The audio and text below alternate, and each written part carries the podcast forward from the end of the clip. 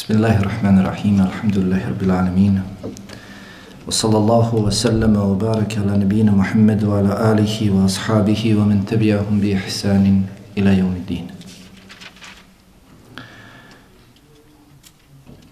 Kao što ste mogli čuti od početka seminara praća koja su bila, bilo je govora o blagodatima naše vjere dini islama Koliko smo svjesni i zahvalni Allahu subhanahu wa ta'ala na toj blagodati. Nakon toga bilo je govora kako tražiti znanje iz Allahove subhanahu wa ta'ala vjere. Jer činjenica je da nemamo znanja, a toliko i toliko godina sjedimo, slušamo, čitamo. Zatim i ono što znamo, poznajemo, toga toliko nema u praksi našoj, u našem životu. Zbog čega? Zatim bilo je govora koliko radimo za Allahu subhanahu wa ta'ala vjeru. Ne traži se samo od onih koji imaju znanje da oni samo rade, pa da se pravdamo, eto, reče nam da nemamo znanja, eto, reče nam da ne znamo tražiti znanje, znači ne moramo ni raditi za Allahu vjeru. Ne. Dakle, učeni nisu jedini koji trebaju da rade za Allahu subhanahu wa ta'ala vjeru, već kako je o tome bilo juče detaljnije govora, svako od nas treba da prepozna svoje mjesto u radu za Allahu subhanahu wa ta'ala vjeru, da kaže šta to najbolje poznaje i da se u tom domenu i iskoristi. Zatim, na zahtjev mnogih od vas bilo je sinoć govora kako se obhoditi prema supruzi, supruga prema suprugu i slično. Kada pogledamo sve te teme i slične druge, i inače u životu, najbitnije nam je da imamo jaku vezu s našim gospodarom, Allahom subhanahu wa ta'ala. Uzvišeni Allah nam je najbitniji, najpreči, najvažniji. Da bismo vrednovali njegovu blagodat Islama, moramo poznavati njega, Allaha subhanahu wa ta'ala. Njegova vjera dolazi od njega.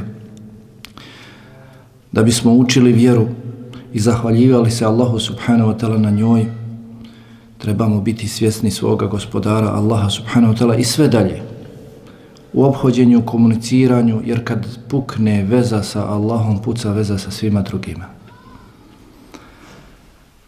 Zato nam je bitno da imamo čvrstu, jaku vezu sa Allahom subhanahu wa ta'ala. Od njega smo došli. On nas je stvorio i njemu ćemo se sigurno vratiti. Eto, pokušavamo sa svima drugima da uspostavimo nekakve veze, a te veze prije ili kasnije će sve popucati. Ostavit će nas i naši najmiliji. Kakvu smo vezu gradili sa Allahom subhanahu wa ta'ala kome ćemo se sigurno, sigurno vratiti. On će nas zasigurno obračunavati, nagrađivati ili kažnjavati i nakon toga nastaje vječnost. Nema više popravka, nema više povratka. Vidimo isto tako, svjedoci smo da su grijesi rasprostranjeni svuda oko nas. Nigdje ne možeš usmjeriti pogled da budeš smiren. Uvijek ti padne na neki, na neki grijeh. Jedan pogled vuče drugi, jedan grijeh vuče drugi. Srca postaju tvrda, srca postaju gruba, kruta. Ne može ih raznježiti ništa drugo, ne može ih oživjeti ništa drugo do veza sa Allahom subhanahu wa ta'ala povratak, Allahu jalla, jalla wa'ala. Također živimo u vremenima kušnji, iskušenja, velikih previranja, istinska vjera naročito, jeli, vjera kakva je objavljena Allahom poslaniku sallallahu alaihi wa sallam sve više i više se zatire, postaje sve veći i veći stranac, garib i među, među muslimanima. Popuštanja su postala javna pojava, pojava, pojavljeno, jas, jasno se vidi. I sve to vjernika treba da zabrine da se zapita šta će biti s njim.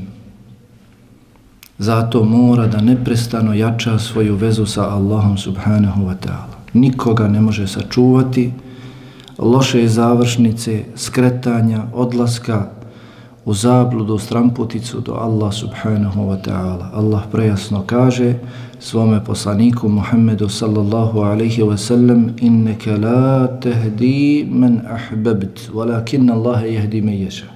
Ti ne možeš uputiti koga bi ti htio. Allah je taj koji upućuje. Ovi ajeti su objavljeni, poznato nam je nakon smrti Ebu Taliba, koji je toliko i toliko pomagao Allahovog poslanika sallallahu alaihi wasallam od njegove osme godine, je li tako? Od njegove osme godine do 50. godine, 42 godine. Bio je uz njega. Od osme godine Allahovog poslanika sallallahu alaihi wasallam do poslanstva pa i deset godina posle poslanstva Mnogi mušrici, mnogobožci dolazili su mu, žalili se, tražili da im ga prepusti, prijetili da će prekinuti veze i s njim, međutim ostao je na strani Allahovog poslanika, alihi salacom, ali Islam nije primio. Ali Islam nije primio. Allah je jedini taj koji upućuje, jedini taj koji čovjeka učvršćuje u vjeri. Zato nekoliko puta svakodnevno učimo ihdina sirata al-mustaqim, ihdina sirata al-mustaqim. Najčešće se prevodi, ha, uputi nas na pravi put. Hidajet ovdje uputa ima dva značenja. Ispravnije značenje sačuvaj nas na pravom putu. Hidajet ima dva značenja, upute i učvršćenja, kako se to kaže, hidajetu dilala i hidajetu taufiq, da te neko uputi, da ti neko ukaže šta je pravi put, pojasni, drži se toga i toga, povjeruj, drži se toga i toga, to može svako. Ali da te neko učvrsti na tom putu, pravom putu, to može jedino Allah subhanahu wa ta'ala. Zato kada učimo ihdine siratal mustaqim, ti si već na pravom putu, okrenut si prema Allahu dželle klanjaš njemu, padaš njemu na seždu, ali niko ti ne garantuje hoćeš li sutra pasti. Zato kada učimo ihdine siratal mustaqim, budimo svjesni da to znači učvrsti nas na pravom putu. Naročito u vremenima iskušenja. Zato je nakon toga došlo siratal ledine an'amta alejhim na put onih kojima si podario svoje blagodati. Blagodati se ne mogu postignuti prije iskušenja. Mora čovjek prvo biti iskušan da bi zadobio blagodati. Kako je bio upitan imam Šafija, rahimahullahu ta'ala, da li je bolje da se čovjeku dadne položaj, da se učvrsti na tom položaju, pa da onda širi pravdu, širi znanje i ostalo poziva, ili je bolje da čovjek bude iskušan, pa da bude strpljiv na tome. Kaže, a zar je moguće da dobije položaj prije iskušenja? A zar je moguće da dobije položaj i postojanost prije iskušenja? Nemoguće da bi zadobio blagodati moraš prije toga biti iskušan. I svaka blagodat je zasigurno iskušenje. Zato se u tom ajetu sirata alledhina namte alejhim spominju dakle najbolje osobe. Kako se to tumači ajetom iz sure An-Nisa da je to put vjerovjesnika, šehida, iskrenih šehida i dobrih. Onih dakle koji su najviše bili iskušavani. Pa nam je dakle i tekako bitna, najbitnija veza sa Allahom subhanahu, subhanahu wa ta'ala. Dakle, uputa je u njegovim rukama, na nama je da tražimo njegovu blizinu, da tražimo njegovu milost, da tražimo njegovu ljubav, zadovoljstvo za divno čudo što tražimo od svih drugih. Blizinu drugih, da budu zadovoljni s nama, da nas vole i slično. Allah počesto bude zadnji. Zasigurno vidimo dakle i da su se mnogi urotili protiv Islama, da neprijatelji stišću sa svih strana i želja im je kao što je bila želja njihovih predaka, da već jednom završe sa Islamom. I mnogi zbog toga posustaju, odustaju, ostavljaju vjeru. Mnogi kažu inna le mudrakun, kao, kako su rekli ha, sedbenici Musa'a, kada su istigli faraon i faraonova vojska. Kada su bili na domak njih pa su rekli gotovo je, tu su, oko nas, gotovo je. Međutim, onaj koji imao čvrstu vezu sa Allahom dželevala, a imao je zato što je svakodnevno, danonoćno, neprestano obnavljao, rekao je Kella, inne me'je rabbi se jehdin, nikako, sa mnom je moj gospodar, koji će mi ukazati na pravi put. Musa, alaihi salatu wasalam je rekao, odma Kella, nikako, sa mnom je moj gospodar, jer sam ja s njim bio cijelog svoga života. Pa će me on pomoći i u ovim najtežim situacijama. Pa kažu komentatori, nije ni završio riječ se jehdin, Allah dželevala je rekao, o Musa, udari štapom po moru. Udari štapom po moru. Zato nam Allah subhanahu wa ta'ala naređuje da neprestano učvršćujemo vezu s njim, pa kaže ja ejuhalladzina amenu aminu billahi wa rasulihi wal kitabi alladhi nazzala ala rasulih. Ovi koji vjerujete, vjerujte. Ha? Ovi koji vjerujete, vjerujte u Allaha i njegovog poslanika i knjigu koju mu je objavio. Dakle, neprestano, stalno obnavljajte, obnavljajte svoj iman. Kao što je rekao i Allahov poslanik Muhammed sallallahu alaihi wa sallam, iman u prsima jednog od vas se haba troši poput vaše odjeće, poput odjeće jednog od vas. Pa stoga molite Allaha da vam obnovi iman u vašim srcima. Iman po učenju ehli sunnata al džemata raste i opada. Raste i opada. Kako raste, isto tako i opada. Haba se, troši se ukoliko ga ne obnavljaš dobrim, dobrim dijelima.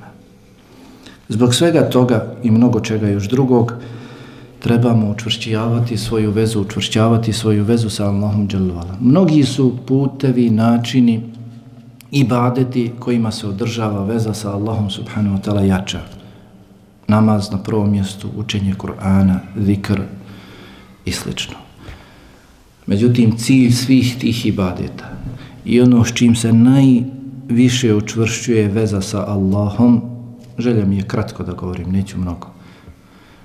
Imali ste po sahat vremena predavanja. A, jeste da u svemu tome, u svim tim ibadetima, pokažete jedan poseban ibadet. Pokažemo jedan poseban ibadet, a to je iskazivanje potrebe i ovisnosti o Allahu. Džaba namaz, džaba zikr, džaba bilo koji ibadet. Ukoliko tim ibadetom ne iskazuješ svoju potrebu za Allahom, svoju ovisnost o Allahu. Cilj svakog ibadeta je to, da dođeš pred Allaha dželavala slomljen, ponizan, skrušen, slomljenog srca, da izneseš svoju potrebu, da ne možeš bez njega nikoliko je treptajoka. I to je ono što te najviše veže za Allaha. Allah je to i propisao, da spustimo svoje čelo na seđdu, da iskažemo svoju poniznost pred njim. Allahom subhanahu wa ta'ala. I to je najviše što čovjeka veže za Allaha subhanahu wa ta'ala. Zato ćete naći, ako razmišljamo šarijatskim tekstovima koji govore o ibadetima, o namazu, koliko je poslanik sallallahu alaihi wa sallam brinuo da se namaz obavi na najpotpuniji način, ne razmišljajući ni o čemu drugom. Pa je li tako zabranio da se obavlja namaz u prisustvu jela, gladan si? Zbog čega? Da se da prednost stvorenju nad stvoriteljem? Ne, da se da prednost stvoritelju nad stvorenjem. Kako to? Da čistog srca, praznog srca od svega drugog staneš pred Allah. Allah hoće tebe čistog za sebe. Da ne razmišljaš ni o čemu drugom. Da se posvetiš njemu. Pa također potreba za malom nuždom. Pa je zabranio čovjeku koji jede bijeli, crveni luk ili mladi luk ili kako kažu komentatori koji nosi sa sobom bilo koji neugodan miris. Ha? Isto, kažu komentator isto, da dolazi među muslimane. Da dolazi među muslimane. Ako već hoće, onda mora se maksimalno potruti da taj miris odstrani od sebe. Kako ne bi uznemiravao klanjače, kako bi oni u rahatluku mogli se predati Allahu subhanahu wa ta'ala ne razmišljajući, ne razmišljajući ni o čemu drugom. Pa je također zabranio da se u džematu dugo uči. Da ne bi ljudi počeli s noge na nogu i počeli razmišljati o svojim potrebama koje ih čekaju. Se potpuno predaju Allahu dželavala. I to je to. Kada bismo mi takve namaze klanjali, sigurno bi namazi nas odvraćali od grijeha. Kako je Allah dželavala i rekao? Inna salate tenha anil fahša i wal munker. Zasigurno namaz odvraća od razvrata i loših dijela. Na ovakav način obavljen gdje se predaš Allahu dželavala u potpunosti. Dakle, iskazivanje poniznosti, pokornosti, potrebe, ovisnosti o Allahu subhanahu wa ta'ala zasigurno je najbolji i najbrži put do Allaha subhanahu, subhanahu wa ta'ala.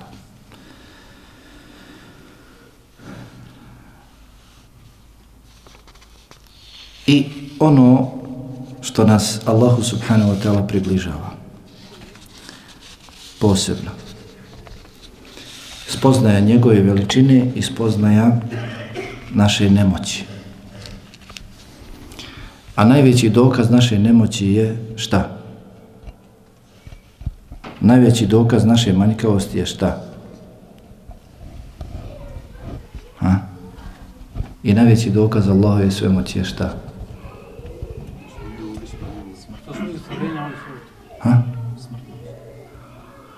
Najveći dokaz Allahove svemoći je to što je on vječan i živi. Zato pojedini islamski učenjaci zauzimaju stav da je jedno od Allahovi subhanahu wa ta'ala najvećih imena El Hayy El Qayyum. Dobar, dobar dio islamskih učenjaka kažu Allah, da ime Allah obuhvata sva druga imena i sva druga svojstva Allaha dželle dok jedan dio uleme kaže el hayy el qayyum živi i vječni jer onaj koji je živi koji je vječni ima sve druge osobine potpune. Kada je njegov život vječan kada nije postao niti će nestati kada je oduvijek i zauvijek onda sve uz njega oduvijek i zauvijek njegovo a najveći dokaz naše manjkavosti je obratno smrt.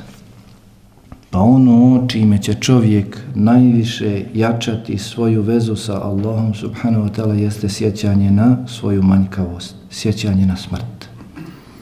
To će ga najviše vezati za Allaha subhanahu wa ta'ala. Zato je i došlo u hadisu ekthiru min zikri hadi min ledat. Sjećajte se mnogo, nije rečeno samo sjećajte se, već mnogo se sjećajte onoga što prekida svaku slast i strast. Smrt je svima nama određena. Niko ne zna njen trenutak. Ali zasigurno kada dođe, niko od nas neće moći od sebe odagnati. I o tome govore mnogi šerijatski tekstovi. Allah subhanahu wa ta'ala zapisao nam je datum naše smrti prije nego li nas je istvorio naprotiv, prije nego li je stvorio nebesa i zemlju, kako je došlo u vjerodostojnom hadisu, Allah zapisao je odredbe svih stvorenja na 50.000 godina prije nego li je stvorio nebesa i zemlju.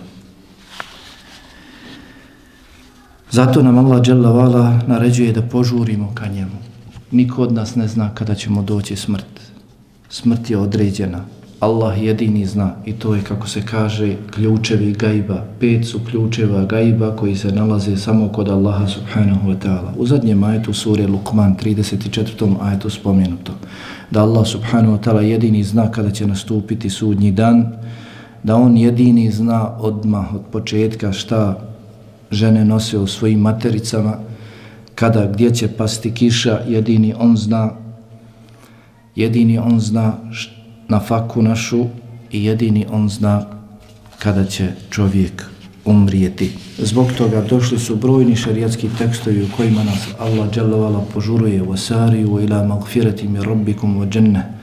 Požurite ka svome gospodaru, oprostu svoga gospodara i džennetu u drugom ajetu u sabiku i požurite na sličan način.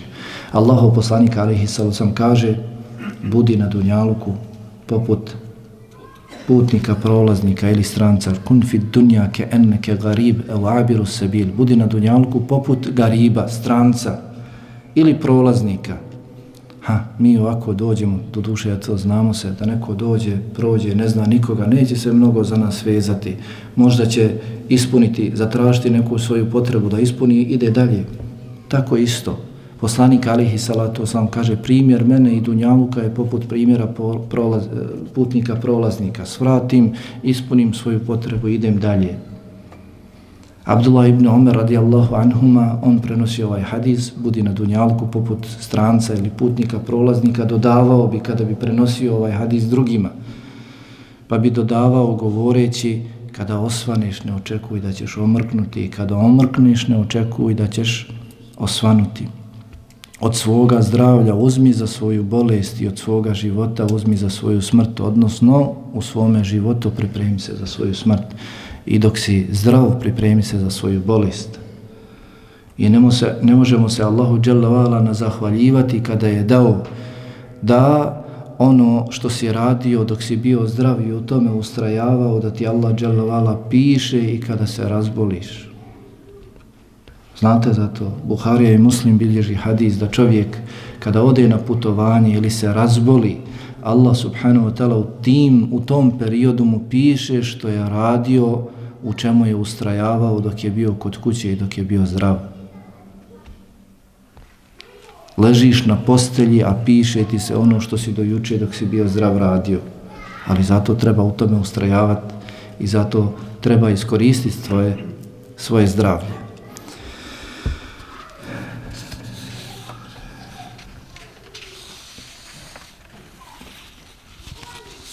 Postoji nekoliko vrsta ljudi što se tiče sjećanja na smrt. Jedni ne vole nikako da se sjećaju, niti da ih iko podsjeća. Kad kažeš sjećanje na smrt, razmišlja o nečemu drugom, gleda negdje drugo, ha.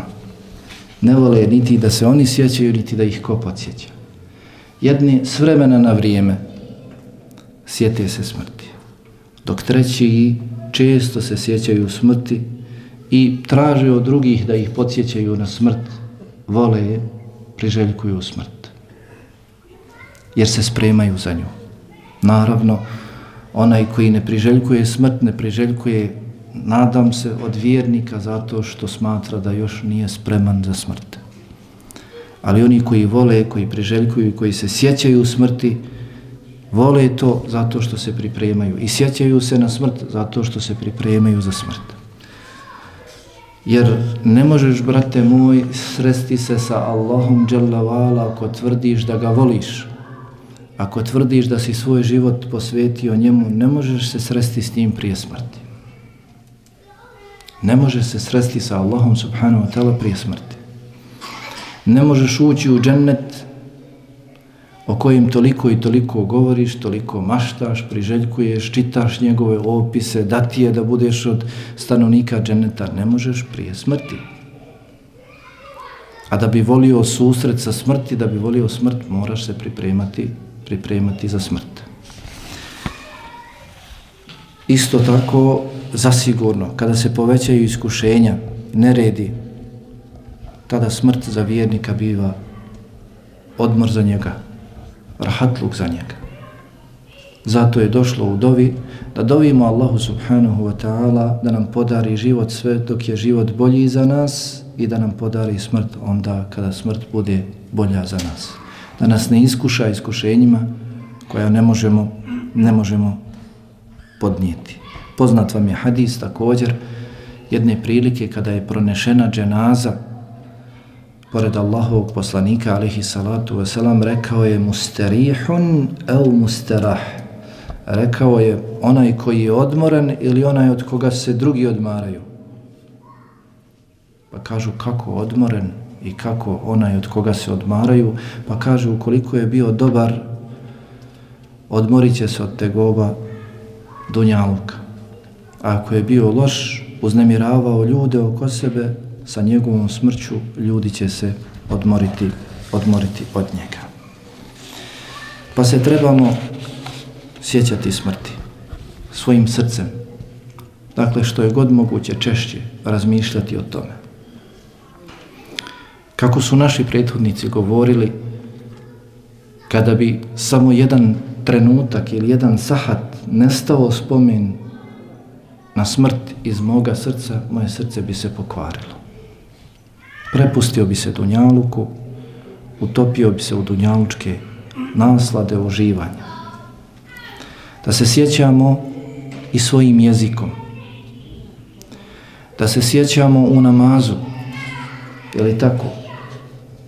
Da se sjećamo u namazu. Malo prije spomenu kako.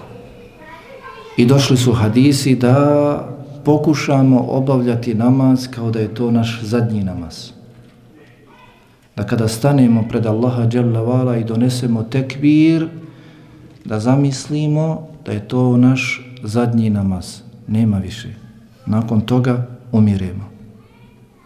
Pa je isto tako došlo pred kraj selama, pred kraj namaza, prije predaje selama, ha?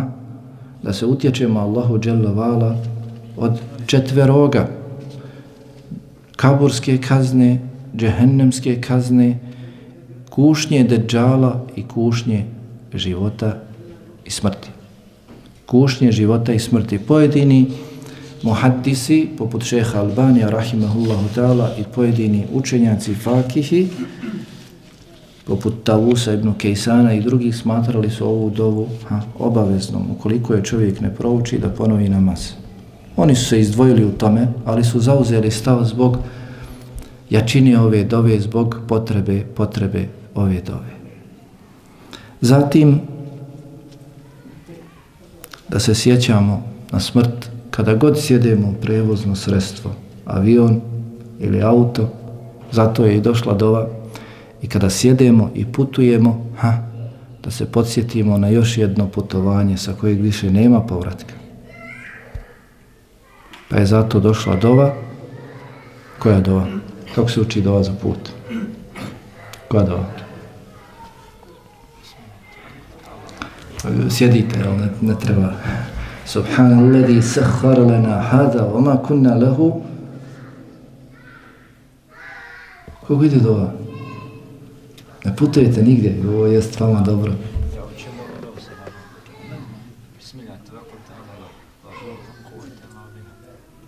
Bismillah, tevakkeltu Allah, la hawla, la kuvvete illa billah. Kažu da je to dova kad se izlazi iz kuće, jel? A za put? Ja čitam u knjižici da sam Tajnom knjižicu. Kako ide dova za put, Jaro? Izgovori se tri puta Allah, hajde da vas kažem, ostalo su. Hajde, reci nam to ostalo. Ne znam. Halim.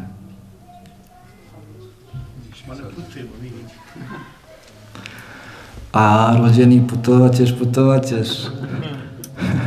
Na putovanje s kojeg nema više povratka, ha?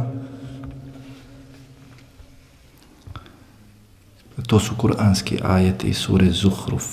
Subhanalladhi sakhara lana hadha wa ma kunna lahu muqrinun wa inna ila rabbina lamunqalibun. Neka je slavljen, neka je uzvišen daleko od svake manjkavosti onaj koji nam je ovo podčinio, a doista mi to sebi ne bismo mogli podčiniti. Wa inna ila rabbina lamunqalibun. I zasigurno mi ćemo se svome gospodaru vratiti. Ha. Kad izgovaraš ove riječi, trebaš da naučiš ovu dovu, to su stvari kuranski ajeti, ali dova, kuranska dova, wa inna ila rabbina lamunqalibun. I zasigurno mi ćemo se svome gospodaru vratiti. Svako putovanje treba da te podsjeti na najveće putovanje sa kojeg neće više biti povratka. Vidite, dakle, sjećanje na smrt nije džaba. Kada hoćemo leći, kad hoćemo ustati, jel tako propisane su dove, Bismike Allahumme mutu vahja. Jedna od dova, je tako kada hoćemo leći? Bismike Allahumme mutu vahja. U tvoje ime, Allahu moj, ja umirem i živim. Jer je san jedna vrsta smrti. Jer je san jedna vrsta smrti. Kao što je smrt kroz predanja i narošto u govoru islamskih učenjaka nazvana malim kijametom smrt. Malim kijametom isto tako san se smatra malom smrću. I o tome govore brojni kuranski ajeti i hadisi da Allah dželavala uzima duše u trenutku sna, spavanja. Pa neke zadrži kojima propiše smrt. Na umru u snu. A neke vrati i dakle, održava ih sve dok ne dođe trenutak njihove, njihove smrti.